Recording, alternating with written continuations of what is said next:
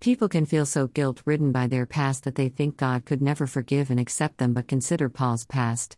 He had scoffed at the teaching of Jesus, a blasphemer, and had hunted down and murdered God's people, a persecutor and a violent man, before coming to faith in Christ.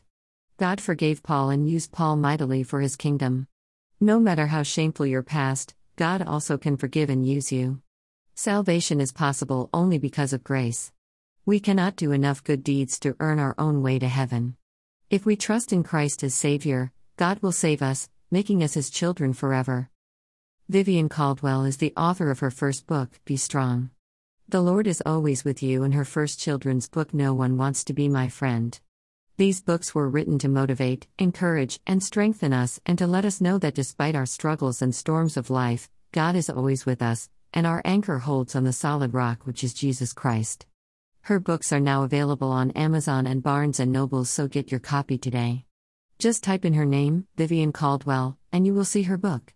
You can also subscribe to her podcast at https colon slash slash anchor.fm slash Vivienne Caldwell slash subscribe.